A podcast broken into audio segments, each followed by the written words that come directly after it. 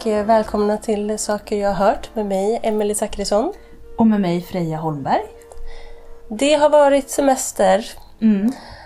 Vad har du gjort på semestern? På min semester har jag gjort många saker men bland annat en av höjdpunkterna var att gå ner i Falu koppargruva. Det var coolt. Där har jag varit som barn. Jag fick gå ner trots att jag var lite för kort. Min pappa typ mutade vakt. det fanns ju både barn och vuxenhjälmar nu men det kanske inte fanns då. Nej, då var det, eller det fanns men de var liksom lite för små. Och Du var så, för liten. De tyckte att det var en dålig idé och sen så sa pappa fast det är en bra idé. Det är ju smart att vara liten i gruvan för det är ganska trångt. Man förstår att människor var mindre förr. Under 1700-talet så Mm. var de väl kortare av slit och släp Och att de typ hade varit eh, undernärda i flera generationer. till exempel. Och det är väldigt bra med undernärda människor i gruvan för då kan de ju krypa in i små hål. Jättebra.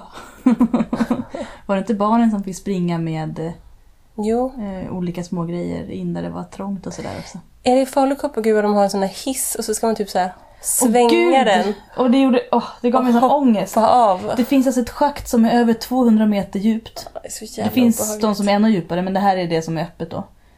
Och från det här schaktet, man kan också stå på en brygga. Det är tydligen Sveriges högsta bro. Bron som går över det här schaktet. Bron under marken. ja. Och då kan man se ner i schaktet och man ser inte botten. Ja, det är fruktansvärt. Och från, i det här schaktet, schaktet så gick det då hinkar upp och ner. Som drogs av olika vinschar som var gjorda av Polhem och det var fantastisk teknologi och bla bla bla. Tack. Men de här hinkarna var ju till för att hissa upp eh, malm då. Mm. Men, eh, och det var förbjudet egentligen att stå i på dem. Men för att effektivisera sitt arbete så var det många i gruvan som hoppade på de här hinkarna. De kunde stå upp till, nu vet jag inte hur många han sa, men typ 10 pers. På, alltså, då stod- stod de med en fot på hinkkanten, höll i samma rep. Och sen så för att hoppa av vid rätt våning, eller liksom tunnel, Mm. så var man tvungen att gunga hinken fram och tillbaka. Och sen hoppa av i rätt stund. Och den stannar ju inte. Alltså jag tänker på så här. Alltså det är så jävla obehagligt. Jag, jag tänker på typ eh, ja, men så här teambuilding. Övningar. 1700-talets teambuilding. Åk till Falu koppargruva och överlev. Så jävla obehagligt. För jag tänker, jag typ finns en sån här obehaglig lek som heter Hela havet stormar och så kan man leka den omvänt. Just det. Det vill säga att var, för varje gång man tar bort en stol så ska man få plats fler och fler på färre och färre stolar. Mm. Och till slut så står det typ en stol kvar och så är man typ 15 pers. Och det ska då vara en sån här, ja man ska liksom känna hur, hur man bygger broar Mm. mellan varandra. Tänk att stå på en hink i mörkret och Och bara... gunga. Man måste ha by- byggt väldigt nära. Ja, tills Relationer. dog. Då spelar det ingen roll. Eller var... så byggde man inga relationer, man var bara helt likgiltig för att när som helst kan någon dö. Ja, och vet du vad han sa? Nej. Man föll i sex sekunder. Nej fy helvete. Så djupt är det. Så Tänk dig jä- att falla i sex sekunder i totalt mörker i en gruva. Alltså jag kan ju förstå det här uttalandet om Falu koppargruva som, som vår gamle vän har sagt. Som vi har sagt förut. Men du kan få, du kan få recitera honom. Ja, Linné sa ju att eh, Falu koppargruva, det var helvetet på jorden. Ja, Falun var liksom... Ja. Ja, för det var ju inte bara gruvan. I och med att gruvan, man eldade mot bergväggen och sen hackade man när det hade svalnat och då var det mer poröst och så sprack det. Så man eldade ju i tunnlarna hela tiden. Mm. Och det innebar att man behövde väldigt mycket trä och kol att elda med. Och att det var sot precis överallt. Och all skog var skövlad. Så när man kom typ 6 kilometer från stan, eller om det var ännu mer, Mm. eller mindre, jag minns inte. Jag, jag har dys- dyskalkyli, jag minns inte siffror. Jag jobbar inte siffror. Nej. Jag blir förvirrad när, När man var en säger dem. bit ifrån i alla fall. En bra bit ifrån. Så märker man redan då att allt är svart och dött. Och när man kommer närmare så hör man bara det här Ja. bink, bink, bink. Moria, eller Ja. Mordor menar Ja, jag. Mordor. Exakt Mordor. Ja. Utsvultna hästar som går runt, runt, runt. Människor som är kolsvarta och undernärda. Barn och vuxna som bara sliter för... Ja. Folk utan händer och armar och ben. Ja. Och så Skit. folk som faller i sex sekunder. Idag ska vi prata om människor som lever under jord. Eller Saker, har för, för oss under jord. Saker under jord. Precis. Vi ska gå underground samt eh, lite plus. Ja. Mm. Ehm, och det här var ju en bra start då. Det här, att det kallades helvetet på jorden hade väl också att göra med att man faktiskt var under jorden i gruvan. Och det finns ju många idéer om att helvetet är under jorden. Precis, att det mörka är ju under jorden och eh, det ljusa är ovan, ovan himlen. Liksom. Och vad som nu händer i helvetet, det är ganska likt det som händer i en gruva. Om man tänker traditionellt sett då. Man eld, det är eld, det är, Man håller på med någon sorts evighets livsfarligt arbete och plågas Ja. långsamt. det är fuktigt och farligt och det är... Och det brinner. ja, Ja, det, och saker Massa saker. exploderar. Ehm, och sen så trodde de ju på någonting, att det var någon sorts väsen där nere också. Det kallas som grottfrun eller något sånt där. Ja, just det. Men Alltså grottråt, Gruvfrun. gruvråt. Mm. Alltså att man, man, man har ju rår. Rår. De hänger ju där det är farligt. Ja, och hon kunde ju straffa dig till exempel om du hade gått på fel ställe eller sagt någonting Jo. fel eller så. Höll de inte också om med sådana lyktgubbar som kunde Säkert. villa en vilse? För det hade man ju bland annat i stan. Mhm. Eh, på, innan vi fick gatlysen. Och det hade, lyktgubbar har jag hört om att det kan ha funnits på... Som tände lyktorna? Nej, som man får börja följa ett ljus. Och så är det ett bad ljus, det är dåligt ljus. Är Följ lykt. inte ljuset. Följ inte de små mystiska gasgubbarna. Som slock, så, sen när den har gått lett dig vilse i jättemånga tunnlar så bara slocknar det. Yeah. Sen sitter du där. Det är väldigt obehagligt att tänka på. Ja, Jag tycker att det är väldigt läskigt med tunnlar. jag förstår nu också att eh, helvetet var någonting under jord för det var ju också så främmande och liksom okontrollerat. Det är det ju fortfarande såklart men nu har vi lite mer... Mm. Jag tänker också Ja. att man kopplar det samman med det här med att man ska brinna. Att Varför man ska man brinna under jord?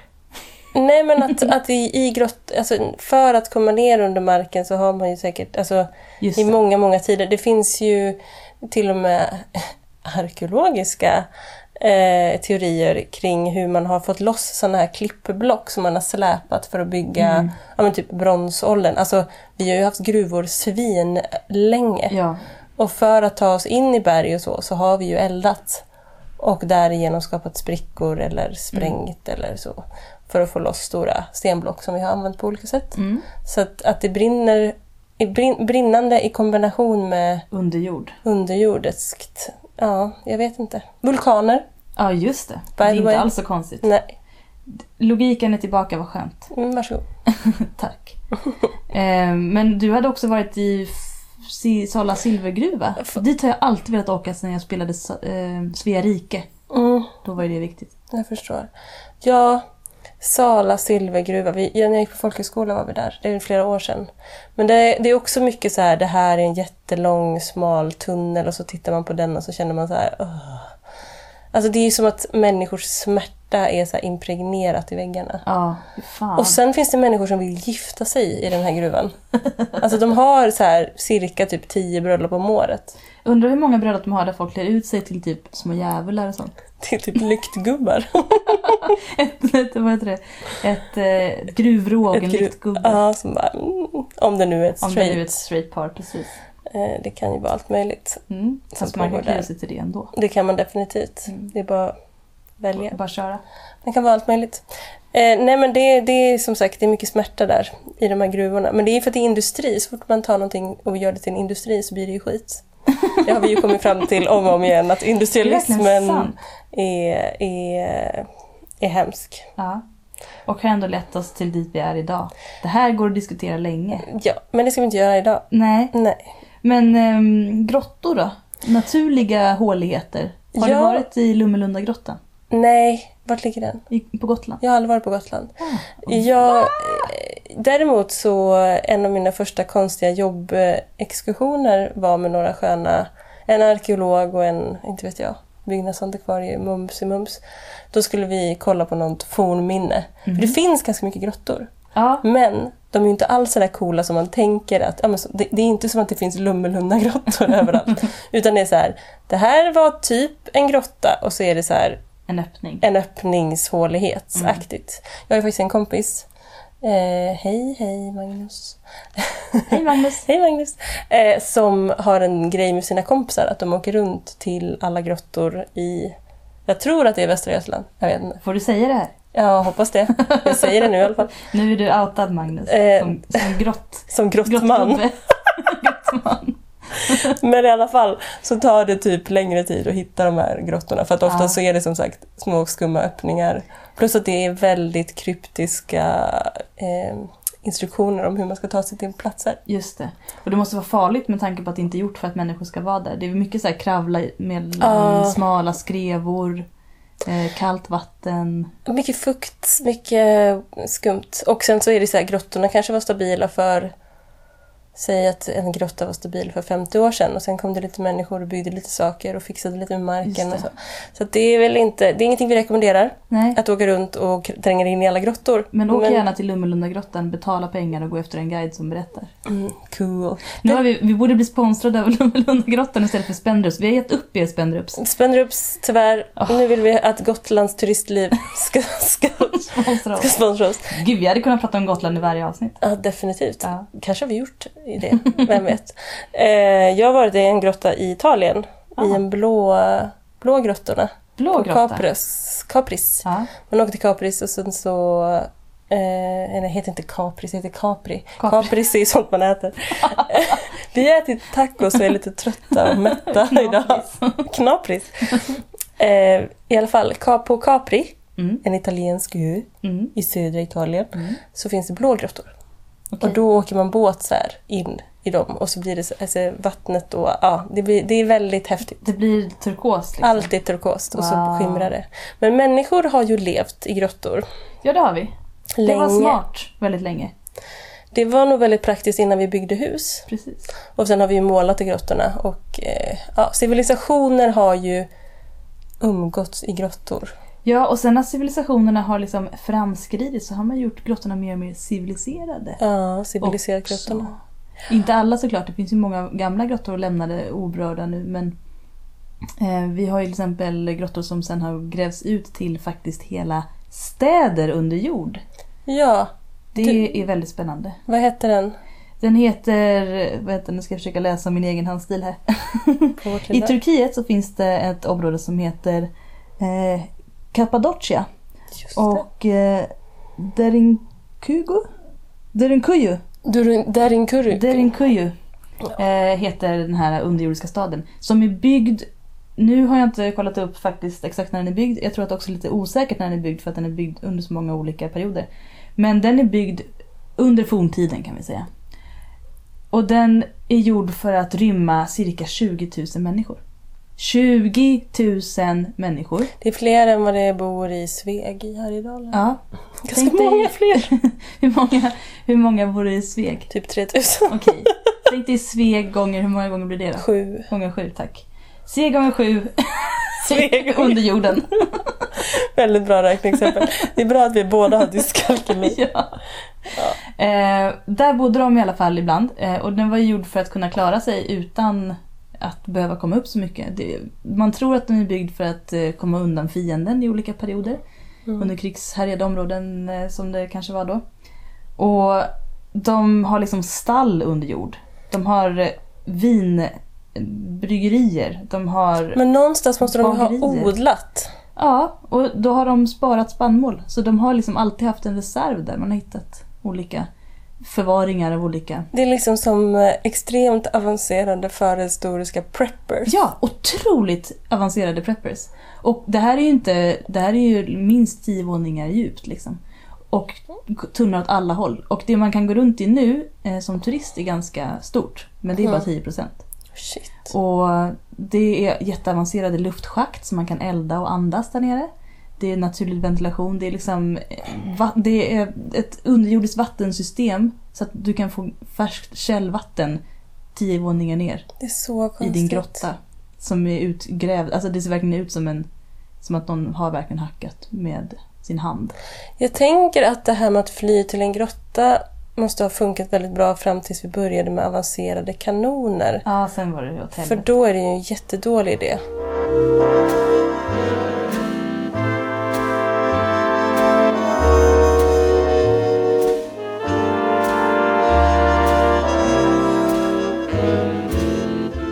Man brukar ju prata om att det har funnits, eller att det finns katakomber, fast det är inte katakomber, men eh, det finns ju underjordiska försvarssystem under Göteborg. Just det.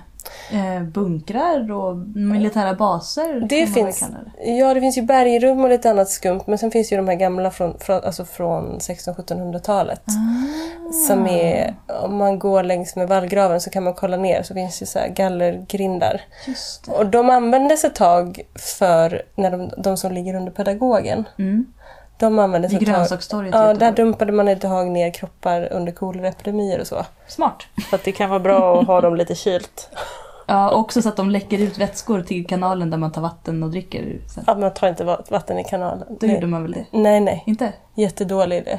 Jag tänker också att det är en dålig idé, men gjorde de inte det? De tänkte det de första typ 40 åren. 60, men sen slutade man med det för att den blev ju bara vidrigare och Ja. vidrigare. Det finns ju inget flöde. Nej, just det. Det är ju bara som en gröt. Ja, Eh, ja okej. Men i alla fall, vi får en del förfrågningar om att man ska få vandra runt i de här, i de här katakomberna. Mm. Som de nu kallas, för att katakomber är ett sånt coolt ord. De heter någonting helt annat. Det är en del av den gamla... Kulvert. Ja men typ. Det är inte alls lika coolt. Bastions... Fäst, befästningssystemet. Ja. Bla bla bla. Skitsamma. Det finns ju fler tunnlar och underjordiska världar Mm. i världen. Men en riktig katakomb, det är ju alltså gjort för att bevara döda kroppar, är det inte det? Jo, jo. Kata- Ja. jo som till exempel under Rom. Precis. Eller, Eller, eller Vatikanen. Vatikanen. De har ju jätteavancerade katakomber. Där har jag också varit och Där- tittat på det heliga Birgittas grav. Sen sku- är- Var det en grav eller var det liksom en hylla? Det är en låda. En låda? En marmorlåda där Okej. det ligger någon liten rest av henne antar jag. Det hennes hand. Ja. Och sen, resten blev olika reliker kanske? ja gud, hon blev ju helgonförklarad så att henne kunde man ju sälja. Hon var ju på, uppe på marknaden. Det är smart med, med katolicismen. Alltså, Att jag, det bara är så här, om man är en viktig person så behöver man inte begrava kroppen. Men det är bara att stycka upp den och skänka till alla jag kyrkor. tänker att det är väldigt praktiskt då att också ha ett katakombsystem så att man liksom har en katalog och en liten karta ifall nu någon skulle bli helgonförklarad. Så bara, app, app, app, ha, den har vi här. Smart. Smyger man ner, plockar upp, hackar upp, säljer dyrt. Det är som att eh, spara lotter på banken och inte veta vilken som kommer. Eller som en försäkring, tänker ja, jag. ja, försäkring. Försäkringssystemet. Spara Helt lotter plötsligt, händer det. Åh nej, jag har fått ett jättefult R. 40 000 till mig. Ja. Ja. Men eh, jag undrar alltid när man pratar om katakomber. Alltså det finns ju katakomber som är, ja, som du säger nu, en kista. Det är ju avancerat. Men sen finns det ju katakomber där folk bara ligger på hyllor. Alltså det finns ju, alltså jag vet att i Östeuropa så finns ju sådana här skelett... Eh, Ja, man skulle bara bli av med kvarlevorna. ja men man gräver bara ett litet, litet hål Mm. och så stoppar man in... Det är lite som jag tänker att många museer resonerar kring att bevara dött folk. Att man, så här, man gräver det precis så djupt in i väggen. Man har liksom som en, nästan som en brunn, tänker jag. Mm. Ett hål. ett hål ner i marken med kanske en trappa. Och i väggen, i det här, väggen, väggen runt det här hålet så gräver man precis så djupt som ett lårben, Mm. för det är det längsta benet i kroppen. Och precis så liksom stort, eller vad man ska säga, så brett Volym. och volymmässigt som en skalle. Mm. Och sen bara mördar man in skiten. Ja. Häller man ner resterna. Mm. Men då måste man ju ha bränt kroppen först. Ja, definitivt. Men Så det har vi ju gjort ganska länge. Alltså ganska länge har vi ju kommit fram till att bränna kroppar, är- det är en bra idé. Ja. Det var ju först när vi... Nu snackar vi i den västerländska världen, för Mm. det är oftast där vi uppehåller oss. ja. Det är det vi vet mest Så eldar vi upp folk. Ja. Sen häller vi inte ut dem i dricksvattnet, det är ganska bra. Ja, det är bra. Men det finns ju också, jag har sett på något program där de var i katakomber där det verkligen var som bokhyllor och så låg det kroppar som bara torkat ihop där. De Mm. var inte brända heller. Jag känner, fy fan vad det måste ha luktat. Vem Ja, kom på den här idén? Hur förmultnar en kropp? Det här diskuterade vi lite innan och jag vet att vi Mm. inte har något svar. Men jag, har, jag ställer i alla fall frågan. Om ni är någon av lyssnarna som vet får ni gärna skriva på vår Instagram eller vår Facebook, saker jag har hört. Och svara. Vad händer med en död kropp? När man inte bränner den utan bara lägger den rätt upp och ner på marken i en katakomb eller i en kista i en krypta under en kyrka till exempel. jag tror att det beror, det beror på jättemånga olika omständigheter. Säkert. Jag har nämligen kollat på den fantastiska serien Bones. Och den, den folk, den, den oerhört korrekta Ja. källan Bones. folkbildande. Folkbildande, exakt. Jag tror att det beror väldigt mycket på Mm. vad det är för luftfuktighet. Eh, hur, alltså så här, om det, man har gjort någonting överhuvudtaget. Vad den här människan kanske, hur den har levt. Ja. Kanske till och med. Och vad det är som eh, kroppen är i kontakt med direkt. Om den är, ligger på en stenbit eller om den ligger på en jordbit. Om eller om den har ligger... kläder runt sig eller inte. Absolut. Allt detta spelar roll tror jag. För jag tänker på ett fotografi som eh, Esko Männikö har tagit, en eh, finsk fotograf. Mm. Han var i Sicilien och fotograferade. Eh, och då fick han gå ner i ja, kryptan under eh, en kyrka. Och där var liksom kistorna öppna. Ja, Och då var de ju nedlagda där kropparna i sina kläder, sina finkläder. Och så har de legat där i 200 år. Och Oj. så var de bara torra skal. Och så var det liksom... Det var inte... Det var ingen som hade ätit upp all hud och sådär utan de var liksom bara torra. men jag tänker att de liksom, när de väl har släppt ifrån sig all vätska, för det gör ju kroppen Mm. på olika sätt. Och så kommer det ju insekter. Och, men jag tänker att det som finns kvar, eh, det torkar nog ihop ja. Det tror Ja. jag. Men och det, torkar ihop det kläderna. finns ju en, en annan konstnär som heter Sally Mann som har gjort en, en, en seriebild som heter What, What Remains. Mm. Som handlar om, men det är ju väldigt moderna Ja. döingar som bara är dumpade på olika ställen i USA. Kroppar som är För i dumpade. USA dumpar man folk lite här och var Ja. när man har haft ihjäl dem. Eh, och Det är ju då i undersökningssyfte då hur en kropp förmultnar om den Ja. ligger på ett visst sätt i en viss miljö och sådär. Ja. Eh, Bland annat, men också att det är en massa försvunna människor som bara ligger. Mm. Lite här och lite där. Ja. Men vi ska prata om människor under jord. Ja, nu är vi inne på USA. Väldigt mycket död och USA. Ja, på tal om USA. Mm. Och vi tänkte ju att... Eh, alltså, vi är ju vana vid att man pratar om helvetet i underjord och himlen. Det är dit man kommer om man har varit god och det är där uppe. Mm. Men eh, gudarnas tillflykt, tillhåll har ju inte alltid varit himlen. Eller i alla kulturer där är den inte det. Eh, nu är jag inte direkt superpåläst just nu. Det hade jag kunnat fräscha upp mitt minne kring. Men i alla fall, eh, det finns en tradition Vi har hört. Ja, jag har hört att i många eh, områden i Sydamerika så har man en tro att gudarna kommer underifrån. De kommer från underjorden. Och eh, när du dör så kommer du bli hämtad ner till underjorden också. Så det är inte alls nödvändigtvis bara en dålig plats. Där finns alla gudar. Där finns krigsguden, där finns kärleksguden, där finns fruktbarhetsguden, majsguden, en klassiker. Eh, alla gudar. Och de har det gött i underjorden och dit ska du också en dag. Alltså det känns ju ganska logiskt att man kommer... Alltså kretsloppet på något sätt. Det är inte, jag Ja. tänker att det inte har varit någon hemlighet. Man förstår att här, saker växer underifrån. Det måste vara Så- någonting där nere. Ja, det stiger upp och så lever det och sen så går det tillbaka till Om det jorden. nu är den logiken. Ja, om man, det är inte alltid människan har varit logisk i och för sig. Nej. Till exempel den här grejen med att vi gräver ner våra döda Ja, och tänker att de ska då stiga upp till himlen. Det är väldigt ologiskt. det är väldigt ologiskt. Då tycker jag bättre om den här dödsmetoden som de har i vissa delar av Tibet där man hackas upp och så kommer det gamar och äter upp en och flyger iväg. Ja, Det det kanske- då det- kommer man ju till himlen. Det är min favorit. Så skulle jag vilja. Om jag dör imorgon, Ja. kan vi åka till Tibet med mig då? Jag Hacka upp stickar din mig. kropp, inga problem. Let jag lägger dig här på away. din balkong Du lägger det mig här ja. så kan kajorna. Sparvarna komma. Så kan Ada, våran katt, döda dem. Nej, ja. Ja men jag håller med faktiskt. Jag tycker det finns... Eller bara att kremera någon då så den blir rök och flyger upp i himlen är också mer logiskt om man nu tror att man ska himlen. För detta nedgrävande, det är ju snarare... Då borde det vara mer logiskt att man tror att gudarna bor där nere. Ja, Och att det är dit vi ska. ja om man vi nu ska tänker att... Till marken på något sätt. Det handlar väl också om det om kroppen och eh, själen, om hur de hör ihop och vad som binder dem och sådär. Men det är en annan filosofisk diskussion. Ja. Ehm, men det är en bra fråga tycker jag. En relevant fråga att ställa i dessa skeptiska fan tänkte ni när ni hittade på den här grejen? Men det är intressant eh, det här med eh, liksom gr- uppgrävda gångar. Jag återgår lite till USA. Mm. Ehm, eller USA till eh, Amerika. Amerikat. Amerikat. Och det finns en intressant konspirationsteori kring att det finns, alltså som säger att det finns underjordiska tunnlar under i princip hela Amerika. Alltså du kan gå i en tunnel från Mexiko till Kanada. Det här är så flummigt. Eh, och de här tunnlarna ska vara byggda för tusentals år sedan, kanske till och med miljoner år sedan. Och de ska vara gjorda av underjordiska utomjordingar. Som kanske fortfarande bor kvar i de här systemen. Jag funderar på om det här är en sorts mindrevärdeskomplex gentemot typ Egypten och att USA inte har några pyramider på det, Det sättet. har de ju visst!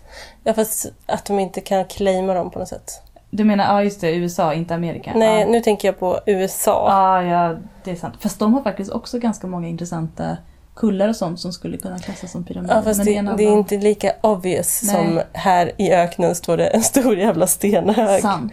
som är uppenbart inte naturligt formad av luft och vind och vatten. Mm. Men det, de här utomjordingarna då som ska ha byggt de här tunnlarna och som kanske till och med bor kvar. De ska tydligen vara myrmänniskor. Ja! Insekter, alltså myr, myr, ja, utomjordingar. Intelligenta som vi, upprättstående, eh, typ vår storlek men eh, ser ut som myror. Mer myriga, myriga. Myriga. Myrigare än vad vi är. Myriga människor. För jag, i USA har de ju också, eller jag vet att i New York i alla fall, det kanske i fler städer, så finns det ju sådana här teorier om the mole people. Alltså mullvadsmänniskor. Som då skulle bo i kloakerna. Mhm. Alltså det finns ju underjordiska system under alla städer egentligen. Ja, Och därav att det också gärna sprids myter om att det finns människor som bor i dessa hål, hålrum och håligheter. Och det har det ju säkert gjort tusentals gånger. Ja, och gör det, fortfarande. jag tänker att det är en väldigt logisk tillflyktsort. Mm. För att vi har ju alltid sökt tak över huvudet, uppenbarligen. Men hur kom de här mole people till då? Det är, det är de som så här, av, det är, som, jag, som jag har fattat det, åtminstone en av de sakerna jag har hört, är att det är liksom, de säger fuck the system. De, de är liksom lite anarkister och har Mm. då skapat egna system där de lever nere i, i eh, ja, de är väldigt bleka. De har ingen, inget solljus på Men sig. det är ändå människor. det är De människor. har inte morfats till Men de börjar nog morfas lite mer till någon sorts rått Ah. gnagareaktigt. Eh, ja, jag tänker på ett avsnitt av Futurama. Där det finns eh, mutanter som bor i, i underjorden. Att de liksom har, eh, de har levt så länge där nere så att de, allt kemiskt avfall, för det tänker jag också säkert skulle kunna påverka Ja, folk. Eh, allting rinner ju neråt, eh, så att säga. Ja, och, Och om den- du bor där nere Så blir du som du blir. så rinner det genom dig. Mm. Ehm, Intressant. Det här måste jag googla. Mhm. Jag läste en gång en, en hemsk artikel om eh, gatubarn, jag tror att det var i Shanghai, som bodde i eh, avloppssystem. Och, för de var ju så små då, så att de fick plats. Och det var varmare under jord. När det var kallt så kunde de sova där. Men eh, så fort de blev större, så att de inte kunde krypa ner i de här små håligheterna, så blev de ju det var liksom ett steg ut i vuxenlivet, eller så på gatan verkligen. Det hårda gatulivet. Usch, Eh, det ja, låter som en mörk, sorgligt. mörk artikel. Ja. Men på tal om den delen av världen, Mm. så i Peking finns det väldigt kända ehm, vad heter det, bunkrar, ska man väl kalla det. Skyddsrum. Som byggdes under 70-talet och som skulle... Jag tror att de byggdes under 70-talet. Om jag läste min artikel rätt. Ta mig inte på orden. Men Du har eh, hört att de byggdes. Det är det som är det roliga. att de har byggts i alla fall. Någon gång under 1900-talets senare hälft. Exakt. Det kan också ha varit tidigare. 70-talet känns ju väldigt så kalla krigets stämning och då byggde väl alla bunkrar. Ja, och då skulle det rymma i princip hela Pekings befolkning. Undrar om det skulle gå idag. Föreställ dig det. Ja, nej, det var ju då, men nu, jävlar. Och det här, ja, det finns hundra kända entréer till det här skyddsrummet då. Som folk blev informerade om på plats om de bodde nära. De flesta är ganska dolda. Och eh, nu är det ju turistattraktion att man kan gå ner i vissa delar, men inte i alla. Och i det här systemet så finns det skolor, sjukhus, lekparker, lägenheter, affärer, allt för man skulle kunna vara där liksom en längre period och kanske utstå år under jorden. Tänk dig all mat. Hur i helvete mycket mat de måste ha sparat. Gud. Eh, och tydligen ska gångarna vara långa sammanlagt som kinesiska muren. Åh jävlar. Ja. Det är som tarmsystemet. Det är som tarmsystemet, en fotbollsplan. Under en stad så finns det ett tarmsystem som är så mycket större. än, alltså precis som att inne i kropp finns ett tarmsystem som är så mycket längre. Ja. Jag vet inte.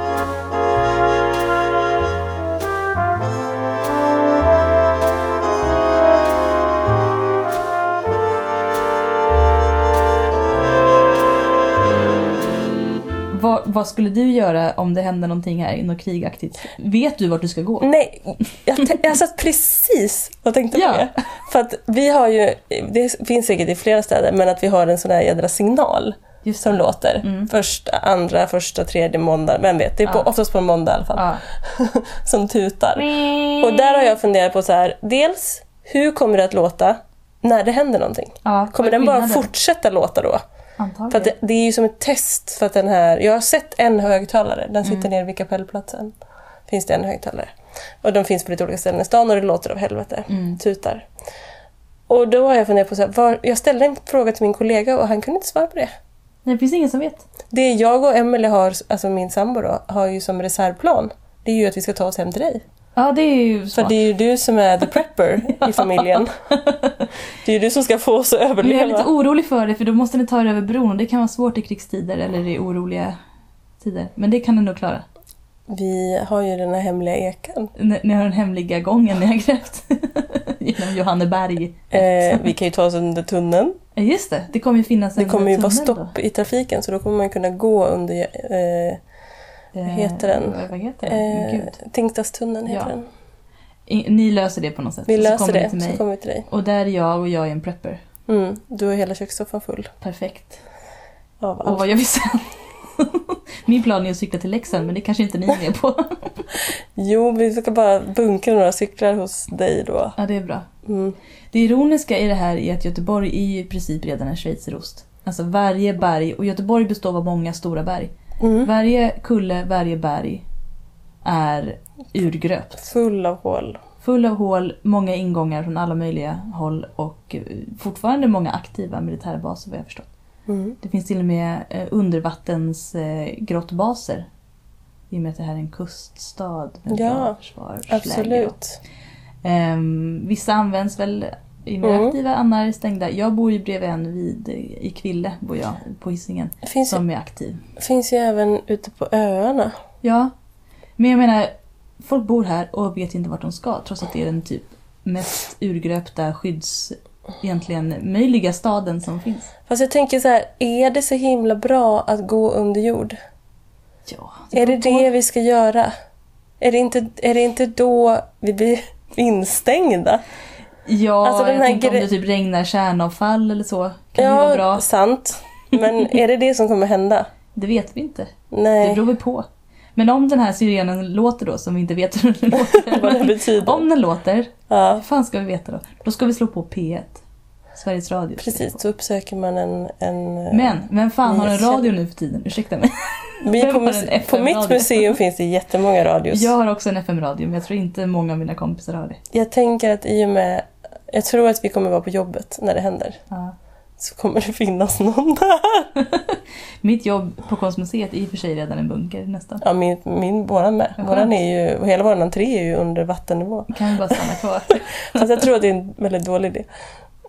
Ja, nej, det här är ju värt att veta. Liksom, de flesta hus där det står skyddsrum i källaren, det är inte skyddsrum, det är förråd.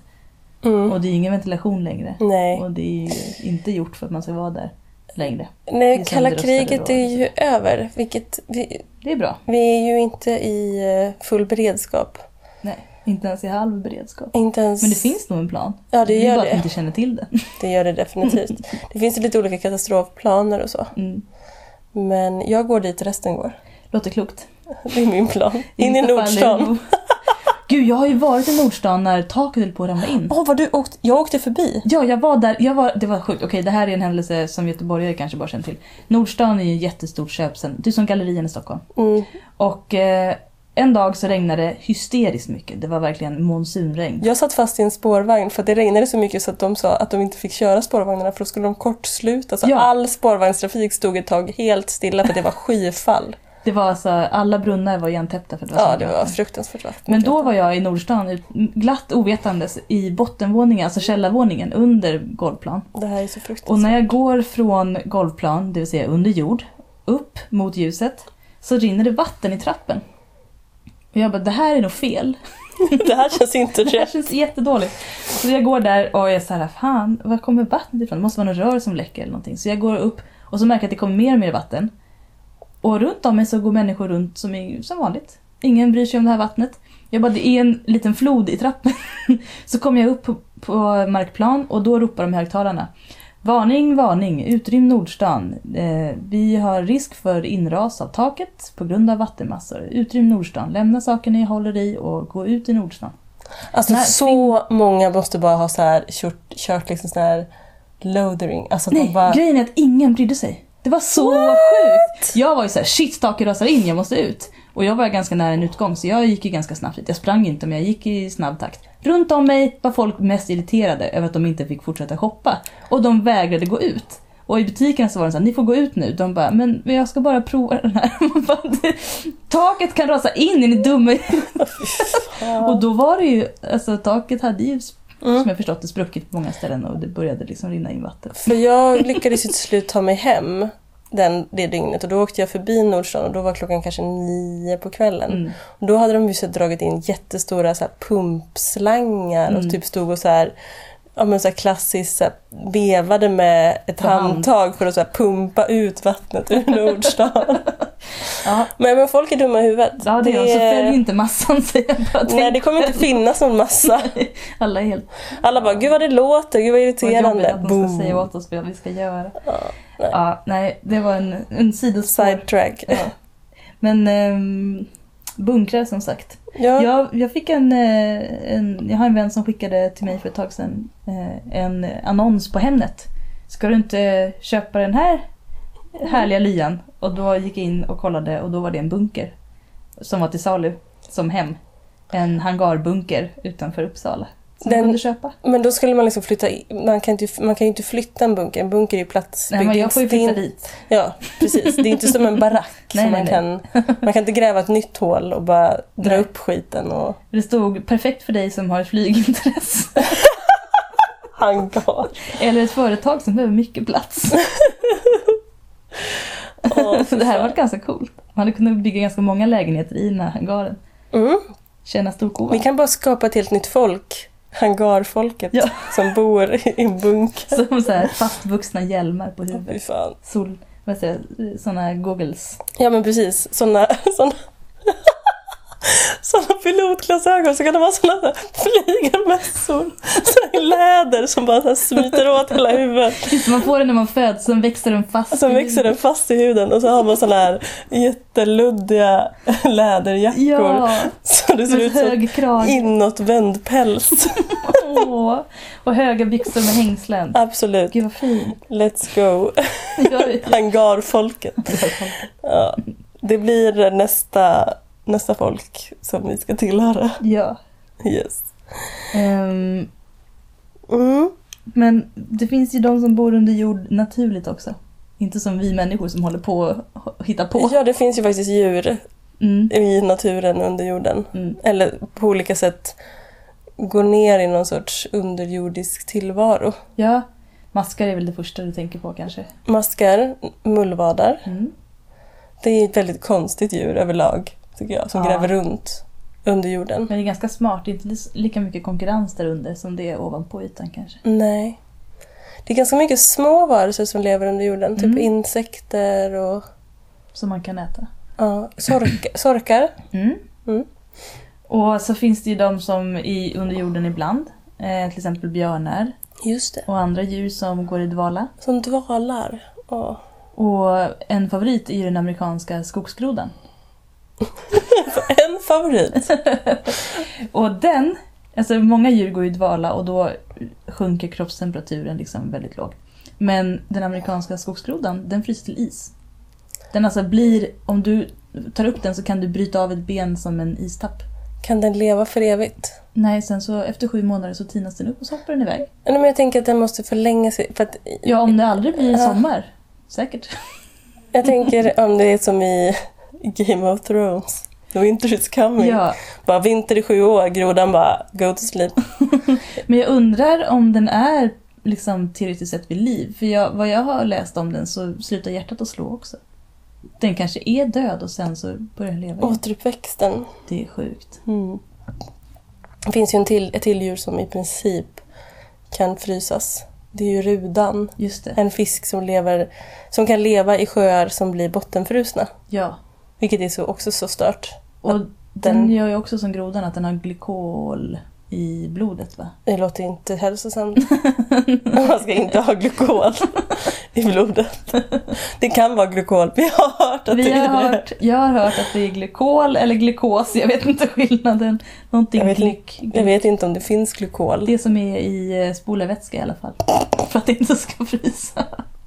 Det låter inte bra. Sånt som är i bilar Ja, är också i grodor och fiskar på, som fryser till is. naturligt. Ja. Men jag, jag tror att vi håller på så länge som vi ska. Ja, jag tror också det. Är det någonting som vi ville säga som vi inte har sagt, tänker jag? Vi skulle nämna eh, Hollow Earth. Just det, ja. Ni som har lyssnat på oss förut lyssnade ju säkert på eh, avsnittet om konspirationsteorier. Och där nämner jag min favoritteori som är The Hollow Earth Theory. Som går ut på att jorden är ihålig och inuti jorden finns det andra varelser som kanske är som människor eller jättar eller rymdvarelser, vi vet inte. Men de lever där i alla fall och sen är det en liten sol i mitten av jorden. Det är som ett universum i, I, eller ett, ett litet eh, solsystem inuti jorden. Ja, Mm. och att öppningarna till den här under jorden finns vid pol, polerna. Men vad jobbigt det blir när polarna byter plats nu då. Ja, men det är de, de geografiska polerna, inte de magnetiska polerna. Ah. Det är de magnetiska som ska byta plats. Inte själva jorden ska vinas upp. Eller? Det här är som att jag alltid tror på väldigt konstiga saker. Tänk om det bara flippades så snabbt. Då skulle alla bara flyga av jorden. Kanske. Eller ja, mm. Ja, men de säger att en magnetisk skifte, ett magnetiskt skifte, Mm, är är- väldigt det är farligt. på G. Mm. Och det också. kommer påverka oss jättemycket. Det kommer döda internet. Och vad gäller det att ha då? Jo, FM-radio. Ja, Så så alla ni som lyssnar via internet nu, mm, skaffa en FM-radio. ja, så lovar vi att Vi- sända det här på piratradio istället. Jag tänker att vi ska, skaffa, vi ska bli sådana radionördar. Det ingår i våran framtid som eh, hangarfolket. Mm. Vi ska ha en FM-radio där vi fortsätter att sända den här podden. Vi ska också ta reda på vad vi måste göra ifall jorden går under. Eller ja, Ja. Göteborg går under. Och Vi meddelar er i så fall, Ja. vi tar reda på det. Definitivt. Jag är ju sämst på våran Instagram, men jag ska som sagt, jag, det här är året då jag botar, botar och bättrar mig. Så mycket jag kan. På tal om straff, men nej, på tal om skuld, vad var det vi pratade om sist? Var det skuld? Död. Död? Oj då. Nej men vi pratade om, någon, om någonting om att botgöra om man hade svalt sin mans sperma. Ja, synden. Ja, det är inte det du har gjort hoppas jag. Nej, nej. För det vore ju... Jag har inte några sådana fantasier om att någon ska älska mig mer. Jag behöver inte leva på vatten och bröd. Vi ska ta tårta nu. Vi, nu ska vi få tårta. Det är kanske en belöning Jag skulle säga det. för att du har botat och Jag har botat mig. nu är vi slut här. Nu är vi trötta. Flams, flams. Flams, flams. Eh, vi kommer tillbaka. En annan, vi har redan tänkt ut ett tema. Det blir spännande. Ja. Cliffhanger! Cliffhanger. Tack, Eller tunnel digger. Tunnel Digger. Eh, tack och hej! Leverpastej.